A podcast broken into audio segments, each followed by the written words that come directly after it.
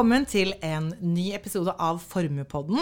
Dette blir den nest siste episoden eh, i denne sesongen her. I dag så har vi et um, hovedtema i dag som Christian skal få lov til å snakke ut om. Er dette med avkastningsforventninger. Um, Christian, hei og velkommen hit. til Tusen takk. Tusen takk. Eh, men før vi begynner på, på hovedtemaet, så er det som alltid det vanlige spørsmålet hva har skjedd i økonomi- og finansmarkedene siden sist? Og det er vel ca. siste måned, da, mai-juni. Ja, det begynner å bli en, eh, en, liten stund siden i hvert fall. Eh, jeg skal gjøre det ganske kort og oppsummere egentlig med at vi har hatt en ganske positiv utvikling i finansmarkedene. og Aksjemarkedet er faktisk i et uh, tilbake i et såkalt bull-marked. Oi! Uh, fordi Det går oppover? Nå, nå, det går oppover. Nå har uh, aksjemarkedet steget 20% fra bunnen i USA. Vi har sett det globalt, og vi har sett også målt i norske kroner, ikke minst. Så har det vært en ganske god periode. Mm. Eh, jeg skriver eh, om det i denne ukens eh, kommentar, som rett og slett kalles Nytt bullmarked eller en zoologisk dragkamp. Så kan man jo lure på hva jeg mener med det, men dette er jo sannsynligvis en, en dragkamp mellom bjørnen og oksen, bull og bear, mm. som ikke er helt ferdig ennå, tror jeg da. Ok, Så du, liksom, du sier ikke 'nå er vi home free', og 'nå er det bull', og alt er Nei, eh, vi kan ta det i neste episode. Okay, ja. men, eh, men, poenget er at eh, markedene har egentlig vært drevet av eh, fire primære ting da, de siste 30 dagene, sånn siste måneden. Der først og fremst har det vært en, en ny, eller forsterket bølge av optimisme knyttet til kunstig intelligens, mm. som da har trukket disse store amerikanske megatech, gigatech-selskapene opp i, i verdi. Eh, samtidig som eh, resten av markedet egentlig har vært litt mer eh, stillestående. Men vi, er, ser tendenser nå de siste dagene til at stemningen er, er, er mer positiv enn på, på, på, lenge. Vi har fått en løsning på det amerikanske gjeldstaket. Oi. Det har nok også vært med på å løfte stemningen og redusere risken for en katastrofal utvikling i amerikansk økonomi på kort sikt. Du må jo fortelle hva som har blitt løsningen, for dette har vi jo snakket om flere ja, det, ganger. Det, det, som har blitt løsningen på gjeldssaka, er at man uh, utsetter problemet i to år. Uh, man hev, har hevet gjeldstaket til 2025 etter det amerikanske presidentvalget. Og da vil jo sannsynligvis dette bli et problem uh, på nytt. litt avhengig av sammensetningen i Kongressen og hvem som er president osv.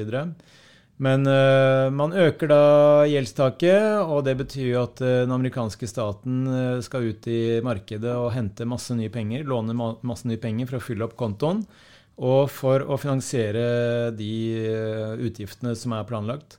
Og Det betyr jo faktisk en ganske betydelig inndragning i likviditet fra markedet, fordi de henter penger fra markedet, tar det inn i statskassa eller hos sentralbanken. Og det um, har noen i hvert fall tenkt at det må jo bli negativt for markedene, men det ser ikke ut til å bite noe ennå, i hvert fall. Nei. Så det første var uh, denne AI-boomen for teknologisektoren. Uh, det andre var gjeldstaket OK. Og det tredje er at vi har fått uh, såpass mange sterke nøkkeltall fra amerikansk økonomi spesielt, og da spesifikt knyttet til arbeidsmarkedet at uh, man har liksom dempet denne resesjonsfrykten ganske mye nå på kort sikt når det gjelder USA. Uh, men det betyr også igjen da, at uh, markedene tror ikke lenger at sentralbanken i USA skal kutte renten gjennom andre halvår. Mm. Det har de priset helt bort. Men de tror fortsatt på ganske heftig rentekutt gjennom 2024. Så, så rentene, markedsrentene har steget sammen med aksjemarkedet egentlig nå de, de, siste ukene. Og det fjerde det handler jo mye om uh, Kina-skuffelse. Fordi vi har jo også tatt opp dette med covid og gjenåpning i Kina i en tidligere uh, formuepod-episode. Og det var store forventninger til at ok, hvis eh, verdens største, nest største økonomi med den nest største befolkningen Eh, nå skal ikke lenger eh, tynges av restriksjoner knyttet til covid, så kommer det til å bli en heidundrende økonomisk fest. Men det, det, var det en liten periode, og så har det visnet ganske raskt hen. Og det, det skyldes uh, flere forhold. Men det man ser, er i hvert fall at industriaktiviteten den tynges. vi ser at eksporten til Europa og USA den henger litt etter. fordi både Europa og USA er ikke akkurat noen blomstrende økonomier i øyeblikket, noen Nei. av de. Og vi vet også at uh, på politisk eh, hold så har de vært mer forsiktige med stimulanser og sånt nå enn det de har vært før.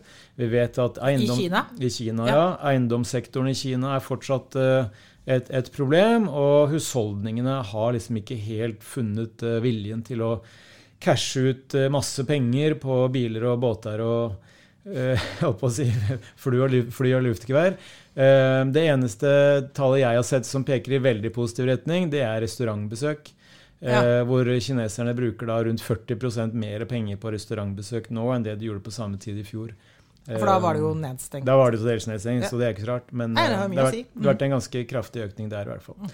Så det er egentlig veldig kort oppsummert markedsutviklingen. Sånn litt under overflaten Uh, som jeg vel også har skrevet litt om tidligere, så er det likevel tegn til noe større usikkerhet. Fordi Hvis vi eksempelvis ser på sektornivå, altså i aksjemarkedet, så har eh, informasjonsteknologisektoren den har steget over 30% så langt i år. Men ser vi derimot f.eks. For på fornybar energi, energi, eh, vi ser på farmasi Det var mye si på slutten der. Ja. Eh, kraftforsyning, vi ser på telekommunikasjon, finans. Alle de sektorene er ned så langt i år. Så det som har kommet til syne, da, det er jo at eh, det er vekstaksjer, teknologiaksjer, de har liksom trukket markedet opp nesten helt alene. Men under overflaten så har det vært en del mer bekymring å spore da hos investorene. Mye mer forsiktighet, kan vi si. Og det var eh, Nå var du veldig rask på den oppsummeringen i dag, så jeg sitter nesten og venter på skal du ikke si noe mer. Men uh, vi har et bra hovedtema. Så. Ja, altså man kan jo alltids finne ting å legge til hvis du syns jeg snakket for lite om det. Men det, det, som man kan ta med her, det er jo at uh, eurosonen, altså den, den store økonomiske regionen, Eh, den er i det noen mener er en teknisk resesjon. Mm. Fordi man hadde negativ BNP-vekst i fjerde kvartal i fjor, og så har man nå hatt negativ BNP-vekst i første kvartal i år. Og mange definerer jo resesjon som to kvartaler på rad med negativ BNP-vekst. Men hvis man graver litt i tallene og tar, liksom, utelukker irsk BNP i, i dette tallet for første kvartal, så vokste resten av regionen med 0,1% Så som jeg skriver i min kommentar, så har det vært stillstand i økonomien. Jeg tror det er en bedre beskrivelse enn å si at uh, Europa er i resesjon. Ja, for altså, det har jo vært et, eh, et, gjentagende tema egentlig så lenge vi har holdt på med Formuepodden nå, i halvannet år. At det har vært liksom Å, det er grått, og det er frykt for resesjon osv. Jeg har opplevd nå at de, nå og de siste gangene så har du virket litt mer positiv. Du startet nå med å si at eh, ja, det er vekst, og det er eh, litt mer positivt, før du nå dro det litt ned og kastet inn resesjon igjen? Ja, fordi jeg, vil jo si at resesjonsfaren er overhodet ikke over. Nei. Eh, men, men, verdensøkonomien har på ingen måte møtt veggen. Det er Nei. ikke det. Men når man da ser at rentene stiger enda mer, og man vet at renter virker inn i økonomien med en forsinket effekt, ja. og kanskje da, hvis vi tenker 2024 nå, så vet vi at veldig mange bedrifter de har lån som forfaller neste år. Vi vet også at uh, en del husholdninger vil bli nødt til å refinansiere lånene sine neste år. Snakker du om Norge eller Nei, hele verden? da tenker jeg Europa, ja. USA primært. da. Men, men, også her hjemme så vil det kunne være flere bedrifter eksempelvis da, som blir nødt til å refinansiere lånene sine fordi de, har obligasjonslån som forfaller osv. Og, så og hvis rentenivået da har steget enda mer, eller holder seg like høyt som det er nå, så er det mange som vil få utfordringer eh, også i 2024. Så det kan jo da bli tungen på vektskålen egentlig, som skaper den eh, resesjonstilstanden. Så, så, vi er på ingen måte all clear Nei. med tanke på resesjon, selv om markedene i øyeblikket er litt mer positive enn de har vært. Nettopp. Så mer positivt i markedene, men eh, ikke noe partystemning ennå. Nei. Da går vi til det som er dagens hovedtema, og det er da dette med avkastningsforventninger, Kristian. Og du har jo til og med skrevet en uh, ukeskommentar, ikke den siste som du snakket om, men den for da halvannen, to uker siden. Uh, og den kalte du 'Derfor skal du ikke bry deg om avkastningsforventninger'. Uh, så det, det avslører kanskje litt hvor vi skal hen. Men det, dette i, i, i, dette temaet så kommer det også et annet tema, eh, som er den debatten rundt aktiv kontra passiv forvaltning av aksjefond. Og begge disse da hovedtemaene eh, er jo da potensielle vepsebol av ulike interesser. Så Christian, take it away. Ja.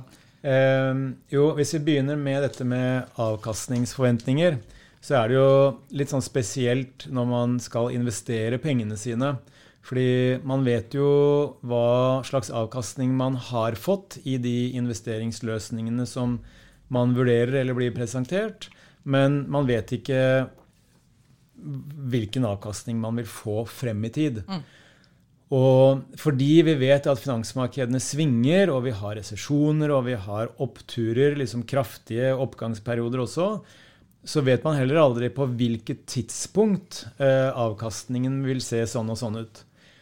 Så, men fordi vi er mennesker, da, så har vi liksom en tilbøyelighet til å prøve å forenkle ting og prøve å finne tall som kan uh, bli gode beslutningskriterier for oss. Og derfor så har vi en erfaring av, vi som har jobbet i bransjen en stund, da, at veldig mange levner kanskje litt for mye oppmerksomhet til disse avkastningsprognosene ja. som uh, blir presentert. Um, og det jeg syns er et nyttig kall det verktøy da, for å prøve å rydde litt opp i jungelen av avkastningsprognoser, det er jo å skille litt ut hva, hvor er det avkastningen egentlig skal komme fra. Fordi jeg vet ikke om du kjenner til begrepene alfa og beta. Jeg kjenner til begrepene alfa og beta, men det er nok en annen eh, alfa Sammenheng. og beta enn eh, en det du skal snakke om nå. Ja, for det er jo to greske bokstaver i utgangspunktet.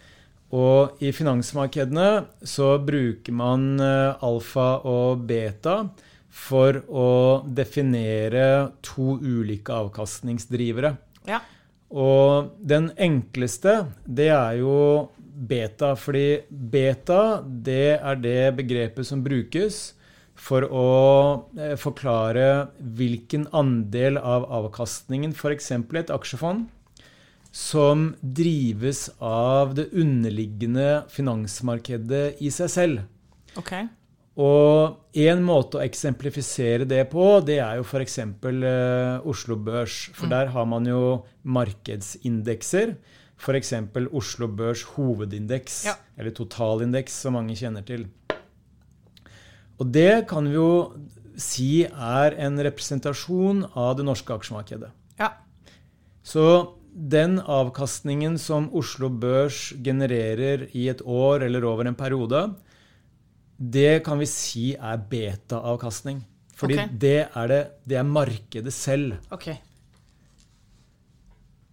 Men vi vet jo også at vi har mange såkalt aktivt forvaltede aksjefond, mm. der forvalterne eh, prøver å gjøre det bedre enn f.eks. av Oslo Børs. Mm. Og hvis de klarer å gjøre det bedre enn Oslo Børs, mm. så vil den ekstra avkastningen disse forvalterne oppnår, den vil kunne komme fra to kilder. Enten dyktighet eller flaks. Mm. Enten så skyldes det at de rett og slett har vært flinkere enn gjennomsnittet av alle andre som investerer på Oslo Børs, eller så har de hatt flaks. Ja. Men det som da er utrolig viktig når vi snakker om avkastningsforventninger, det er jo å skille mellom hvor stor andel av fremtidig avkastning skal komme fra beta, altså markedet selv, mm. Og hvilket bidrag forventer man skal komme fra alfa eller meravkastning. Og mitt syn det er jo krystallklart på dette området. Og det er jo at fordi alfa, altså meravkastning Vi kommer litt tilbake til det etterpå i debatten mellom aktiv og passiv forvaltning. Så vet vi historisk at eh, alfa, eller meravkastning, som skyldes dyktighet, det er en ekstremt flyktig affære. Og et mindretall, et overveldende mindretall av aktivt forvaltede aksjefond har klart å skape alfa og meravkastning kontinuerlig over tid de siste tiårene. Men jeg er jo fysiker. Eh, så jeg er vant til veldig sånn strenge Man kan regne altså Man har en formel, og det er sånn, den gir riktige svar. Og altså Dette blir sånn eh, brannfakkel. Eh, kan man virkelig være dyktig på dette her? Det er jo å se inn i fremtiden, er det, ikke, er det ikke det? Det er jo så mange faktorer som spiller inn, som man overhodet ikke kan ha noen kontroll på. Hvor psykologi jo er en av dem, og hvordan folk reagerer, og hva som plutselig setter i gang store prosesser. Liksom som det vi kaller i fysikken og matematikken for sommerfugleffekter, hvor liksom slaget av en sommerfugl setter i gang en storm et annet sted på jordkloden. Kan man virkelig være dyktig på dette her? Veldig godt spørsmål. Og svaret er eh, både ja og nei. Fordi det du refererer til knyttet til dette med sommerfugleffekter, det refererer jo litt til noe vi har også snakket om før i poden, nemlig at markedene er uforutsigbare av natur. Mm. Og grunnen til det er at eh, hvis man skal prøve å predikere hvor finansmarkedene skal den neste måneden, så hjelper det ikke bare å, å, vite all informasjon som vi har i dag, og prøve å spå rett hvordan markedsaktørene kommer til å respondere på den informasjonen. Vi må også vite hvilken informasjon er det som kommer investorene i hende frem i tid. Mm. Og det, det er umulig å vite. Så jeg vil si at det å spå markedsutviklingen på kort mellomlang sikt, det er umulig. Mm. Så det, så det, er det vanskelig å bli dyktig på. Men det som kjennetegner aktive aksjefondsforvaltere, det er at i motsetning til når man da kjøper bare markedet, f.eks. gjennom et indeksfond, hvor man da kjøper Oslo Børs, hovedindeks, så kjøper man jo eh, markedet som det er. Men det aktive forvaltere må gjøre for å gjøre det bedre enn sin referanseindeks, mm det er jo å ha en annen sammensetning av aksjer enn referanseindeksen. Mm. Det sier seg selv. Ja. Ellers så klarer de ikke å slå indeksen. Nei, nei. Og det mange aktive forvaltere bruker veldig mye tid, krefter og ressurser på, det er å bli kjent med de ulike selskapene på Oslo Børs. Nettopp. Så de eh, reiser rundt og besøker toppledelsen, snakker med de ansatte, snakker med konkurrenter, snakker med andre analytikere. Altså hvordan går det med dette selskapet? Eh, har de en strategisk retning som, som liksom makes sense? Eh, går inntjeningen, omsetningen i riktig retning? Hvordan ser konkurransebildet ut? Alt dette her, og så regner de på ok, Basert på det vi ser selskapet eh, leverer i dag, og det de sier, og det konkurrenten gjør, hvordan går markedet for disse produktene, mm. så prøver de å regne seg frem til ok, er dette en aksje som kommer til å stige. Ja. Og hvor mye kommer den til å stige? Og hvordan er aksjen priset i forhold til det potensialet? Er den for dyr, eller er den for billig? Nettopp. Mange sånne vurderinger. Ja. Og det er ingen tvil om at mange av disse aktive forvalterne de er stendyktige på dette her. Ja.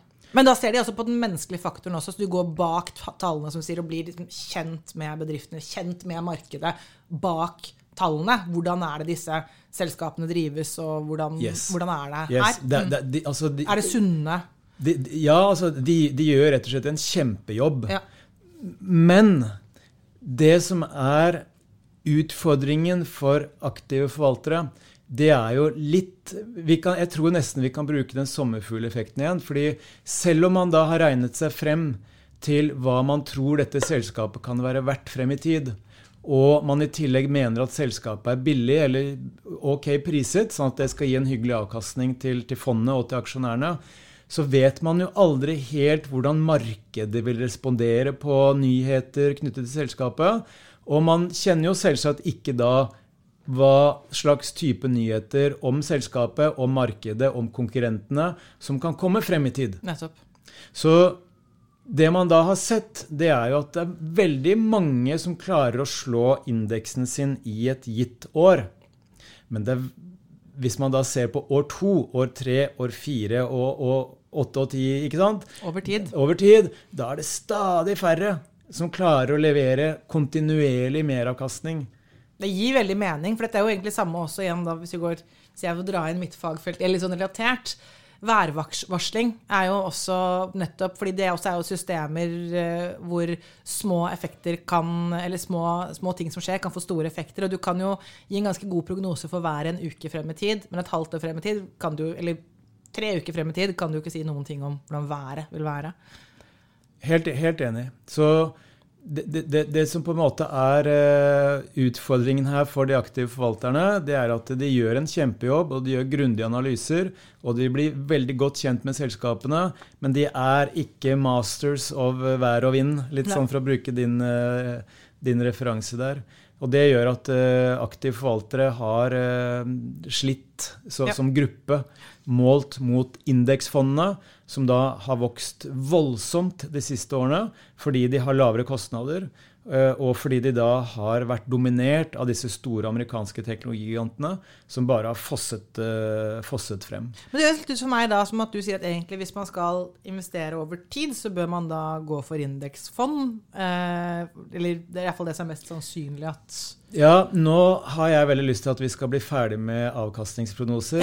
ja, fordi, fordi, vi kommer til det okay. avslutningsvis. Ja. Men, men, det som var litt eh, poenget mitt for å runde av da, på dette med avkastningsprognoser, så er jo det at eh, hvis vi da forutsetter at eh, man ikke kan inkludere alfa som en forutsigbar bidragsyter til fremtidig avkastning, så må vi bruke beta-avkastning som utgangspunkt når vi skal tenke fremtidig avkastning. Altså hva er det finansmarkedene kommer til å generere av avkastning frem i tid? Mm.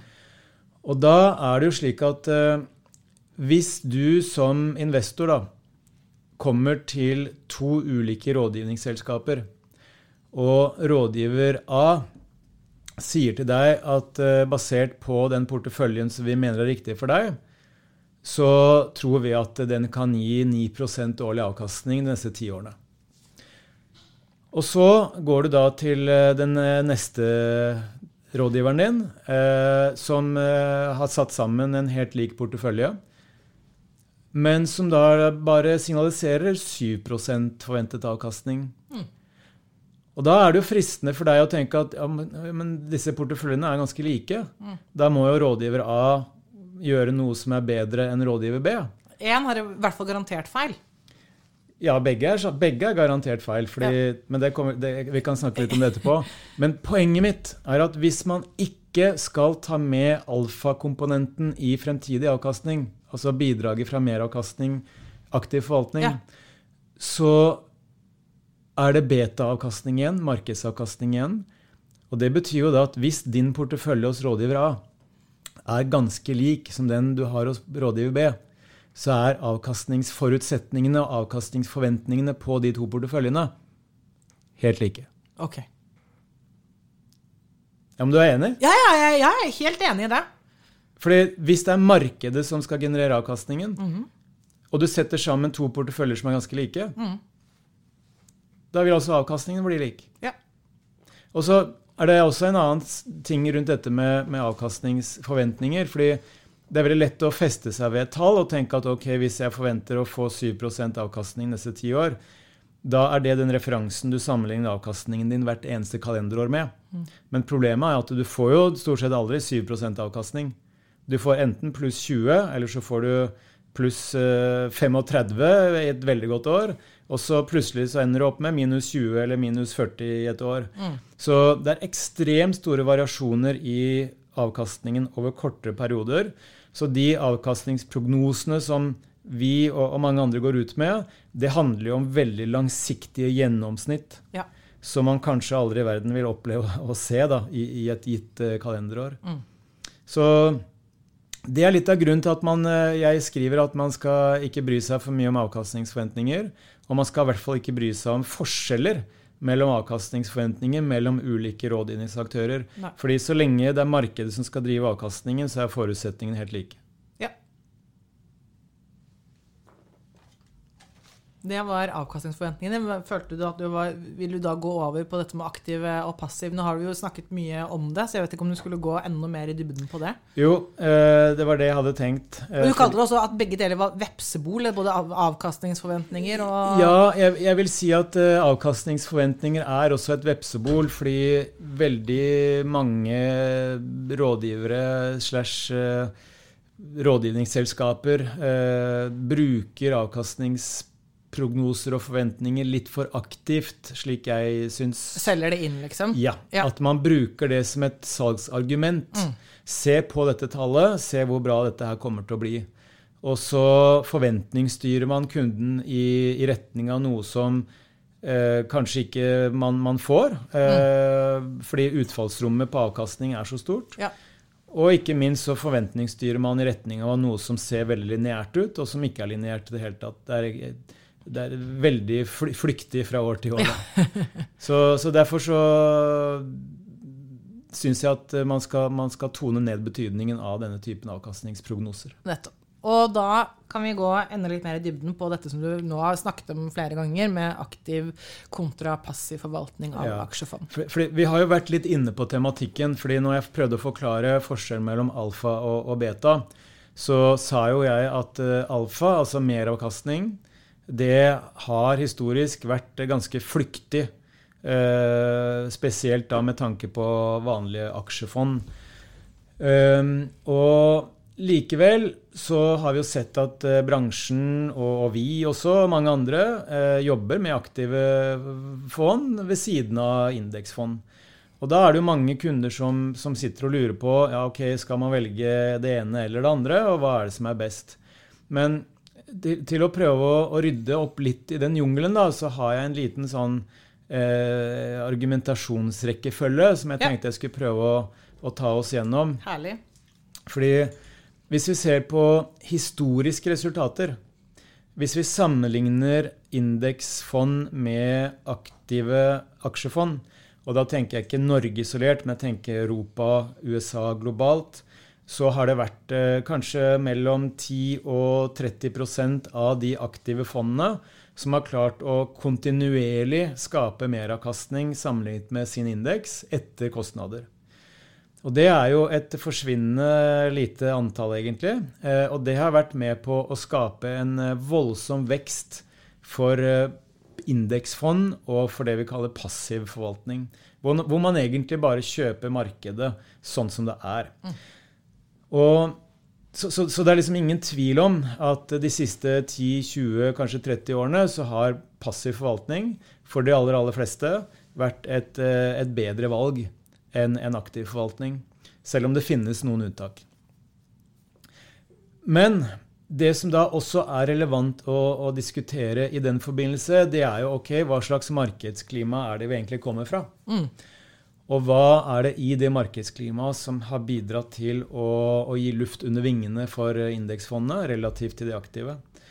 Og det som kjennetegner de siste 20-25 årene, det er jo bl.a. at Kina kom med i Verdens handelsorganisasjon i 2001. Og etter 2001 og fremover, frem til, mot finanskrisen, så hadde vi en akselererende globalisering hvor vi, hvor vi så på Kina som liksom verdens viktigste produsent. Og, og, og det var motorrommet på verdensøkonomien nesten. Eh, hvor vestlige bedrifter utplasserte sin produksjon til Kina, og, og hvor da Kina eksporterte rimelige, eh, billige varer og klær og produkter og elektronikk til, til Vesten igjen. Eh, Og det bidro jo til å holde inflasjonen nede, fordi den vekstmotoren i Kina den var drevet av billig kull, så energikostnadene var lave. Og det bidro da til dette rentefallet, som ble forsterket etter finanskrisen. Og den forsterkningen etter finanskrisen ble også drevet av pengetrykking, og det som da kulminerte i et nullrenteregime. Og det som da er interessant, er at i denne perioden her så har jo også disse store amerikanske teknologiselskapene, altså Apple, Microsoft, eh, eh, Facebook, alle all disse her, de har jo hatt en voldsom vekst i, i omsetning, inntjening.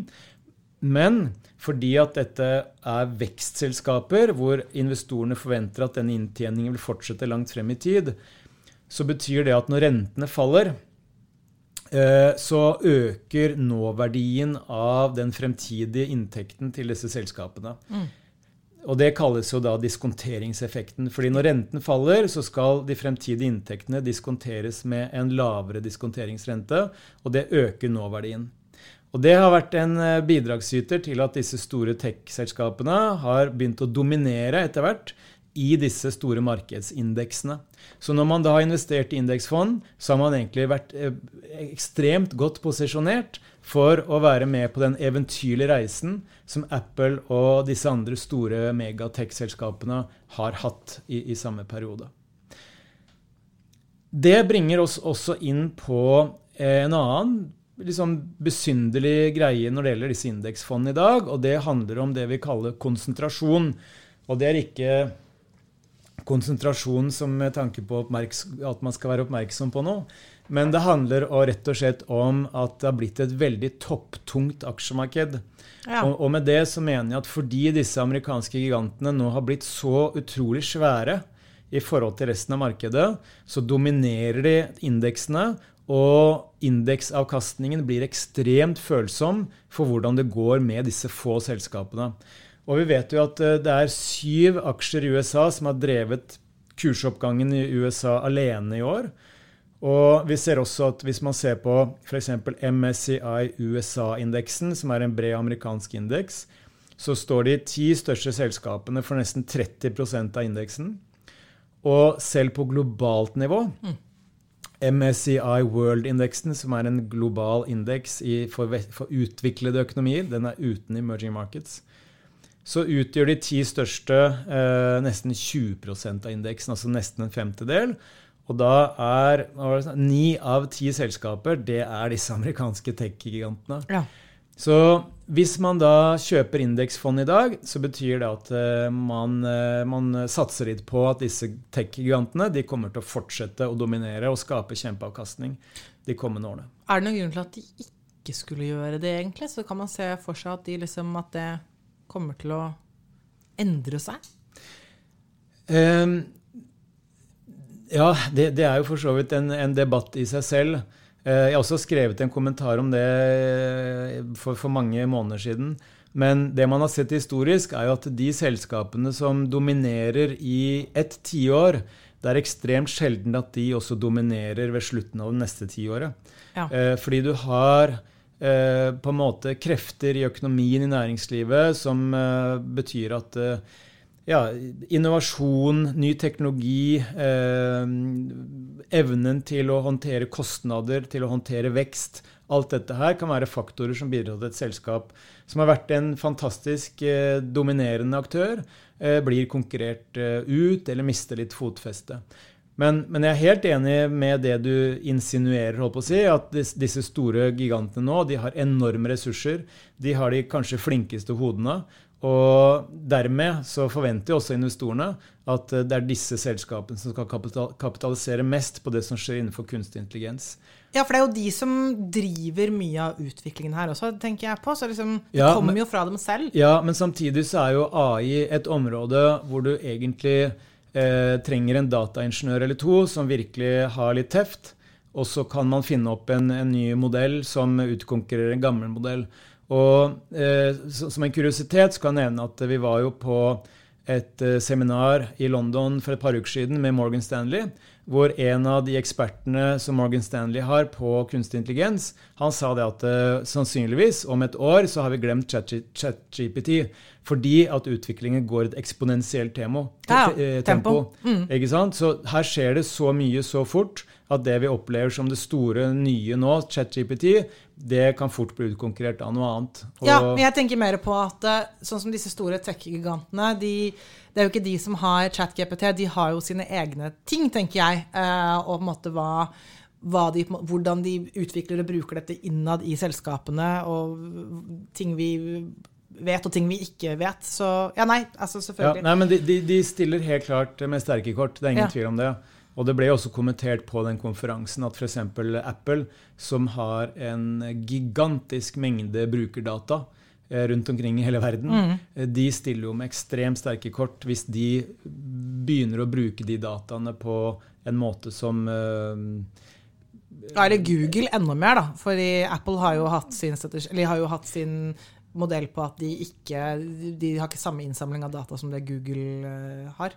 Nei, men samtidig så har, uh, har vel uh, Apple minst like mange si, brukere av deres produkter da, som det også finnes data det er i hvert fall spennende å se hva som kommer til å skje. fordi en annen ting også er jo at vi har vel ikke hatt, og derfor her får du arrestere meg, men, men den type selskaper som tjener penger på det de tech-gigantene gjør Vi har jo ikke hatt sånn type industri før. Det er som en sånn en industri som er drevet på nettopp verdien i data. Mm. Altså det var jo sånn, Da Facebook kom, det ble det ganske latterliggjort. Liksom, hvordan skal dere tjene penger på det her?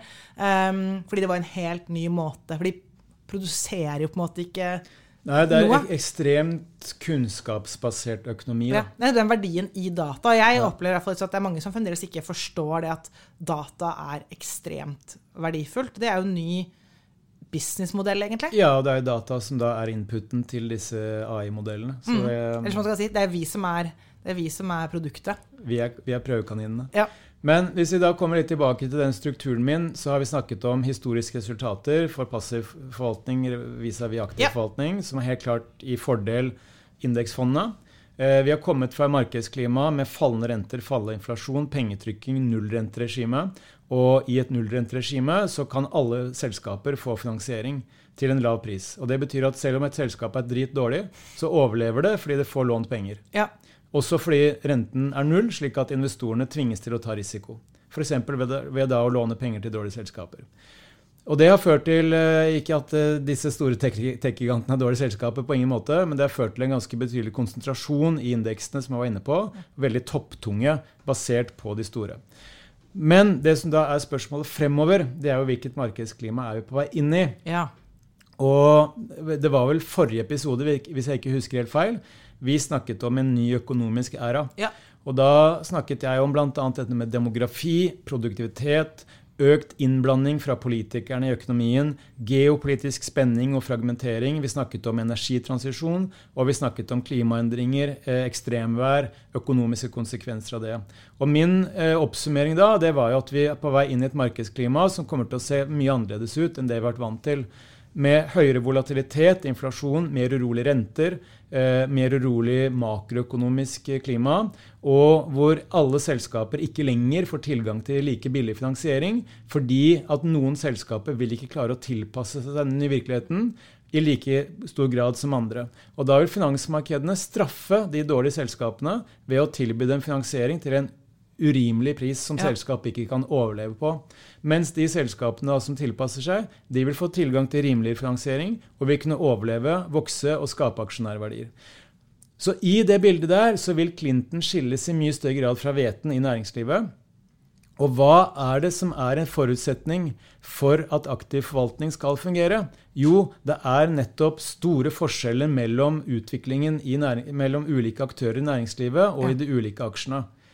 Og Hvis man da ser at det, dette realiseres, så vil de flinkeste aktive forvalterne kunne få et eh, kall det spillerom som de ikke har hatt på mange år. For da vil ikke tidevannet lenger løfte alle båter i næringslivet. Da vil det løfte bare noen, mens de andre vil rett og slett bli liggende igjen med badebuksa nede på stranda, som Warren Buffett uh, så, sa. Så du sier, uh, hvis jeg forstår deg riktig, at nå er vi muligens på vei inn i et marked hvor, nettopp, hvor da aktiv forvaltning kan bli mer, det er mer lovende enn det det har vært en stund? Ja, men eh, jeg vil også si, eh, som man sier i England, at eh, eh, the proof of the pudding is still in the eating. Okay. Og, og, med det så mener jeg at eh, det er ingen tvil om at eh, bevisbyrden her hviler på de aktive forvalterne om faktisk å kunne levere på den volatiliteten som kan komme. Ja. fordi enn så lenge så er det advantage index funds. Nettopp. For å bruke tennisterminologi. ok, eh, da har vi vært igjennom eh, det her. Vil du ta på en måte rappe det opp på noen, eh, på noen måte? Ja, jeg kan forsøke. Vi har snakket om avkastningsforventninger. Viktig å skille mellom alfa og beta. Ja. Og fordi alfa er flyktig og noen ganger ikke tilstedeværende, så må man basere seg på beta, altså markedsavkastning. Og Det betyr at uh, uansett hvilken rådgiver du snakker med, uansett hvilken avkastningsforventning de signaliserer, så er forutsetningene egentlig de samme. Uansett hvem man snakker med. Ja. Og Derfor så skal man egentlig ikke bry seg så mye om avkastningsforventninger. Nei, mener, altså man skal ikke bry seg så mye om det man, hvis, hvis, du snakker med forskjellige typer ja, rådgivere. Ja, men man skal heller ikke bry seg så mye om det i absolutt forstand, mener jeg. fordi ja så, så, lenge man investerer i gode byggeklosser, man har en, en portefølje som er robust og består av, av, mange gode komponenter, og man er langsiktig, man er tålmodig, man vet at dette her kommer til å svinge, så er det noen fundamentale drivere som skal generere avkastning for deg. Og Det er bl.a. at veksten i økonomien stort sett er positiv. Næringslivet skaper verdier over tid, ikke over natta. Og fordi man da gir penger til selskapene, enten som egenkapital eller fremmedkapital, så innebærer det risiko for deg som investor, og den risikoen den skal du normalt få kompensasjon for over tid. Mm. Så avkastning det vil stort sett uh, gjøre deg, avkastningen vil stort sett gjøre deg tilfreds så lenge du er langsiktig nok. Nettopp. Så igjen, det er også det, temaet som har gått igjen hele tiden her, langsiktighet. Absolutt. Ja. Og så avsluttet vi med en liten sånn struktur, eh, en argumentasjonsrekkefølge rundt dette med aktiv vis-à-vis passiv forvaltning. Konklusjonen er jo at indeksforvaltning har uh, vært uh, bedre enn de aller, aller fleste aktive fond tilbake i tid de siste 10-20-30 årene. Men det har fått god hjelp fra et markedsklima som har vært preget av rente, fallende renter og pengetrykking og denne tech tech-boomen. De kommende årene vil kunne se noe annerledes ut. Større forskjell mellom vinner og taper i næringslivet. Det er det aktive forvaltere trenger for å skape meravkastning. Så juryen er på gangen. Men hvis jeg personlig skulle valgt, så ville jeg valgt eh, litt av begge. Litt av begge. Da runder vi av deg. Tusen takk eh, for eh, spennende tema i dag, Kristian. Og takk til deg som lyttet.